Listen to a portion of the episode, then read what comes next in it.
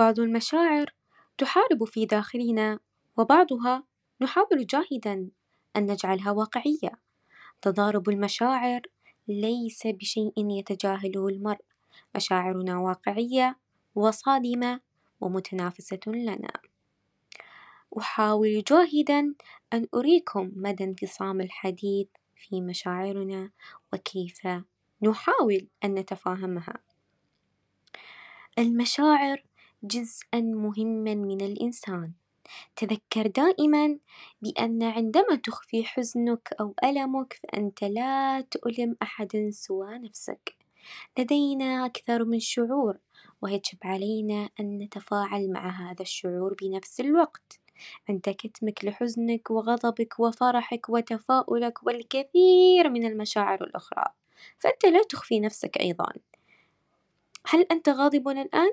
إذا أبقى على غضبك واذهب إلى مكان تستطيع إفراغ هذا الغضب، هل أنت حزين الآن؟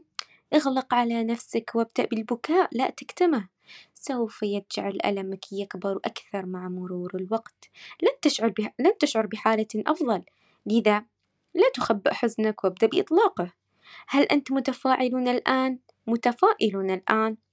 انشر تفاؤلك لغيرك واستمتع بوقتك، انظر. لدينا أكثر من شعور ويجب على كل شعور أن يأخذ حقه وإلا سوف يتراكم ويخرج بوقت ليس صحيح، إليك. انظر إني أرسل رسالة بسيطة خفيفة أتمنى أن تكون الرسالة واضحة وملهمة لبعض الأشخاص الذين يعانون، إليك.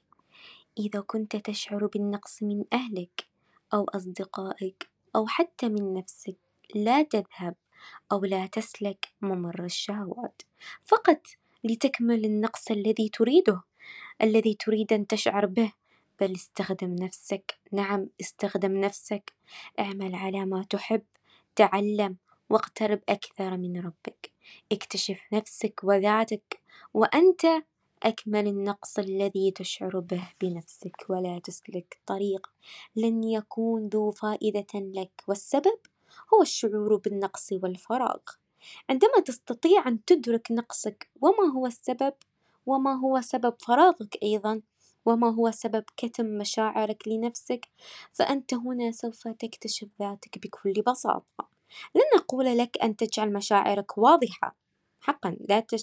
أبدًا لا تجعل مشاعرك واضحة للناس جميعهم، لا، فبعضهم سوف يستغلون مشاعرك، إنما وضح مشاعرك لنفسك فقط، كن صريحًا مع نفسك حول المشاعر الداخلية التي تمر بها، تمسك بنفسك وبمشاعرك وكن أنت من تستكمل نفسك بنفسك، هذه فقط البداية حول انفصام الحديث وحول المشاعر وحول ذاتك وحول المعرفة.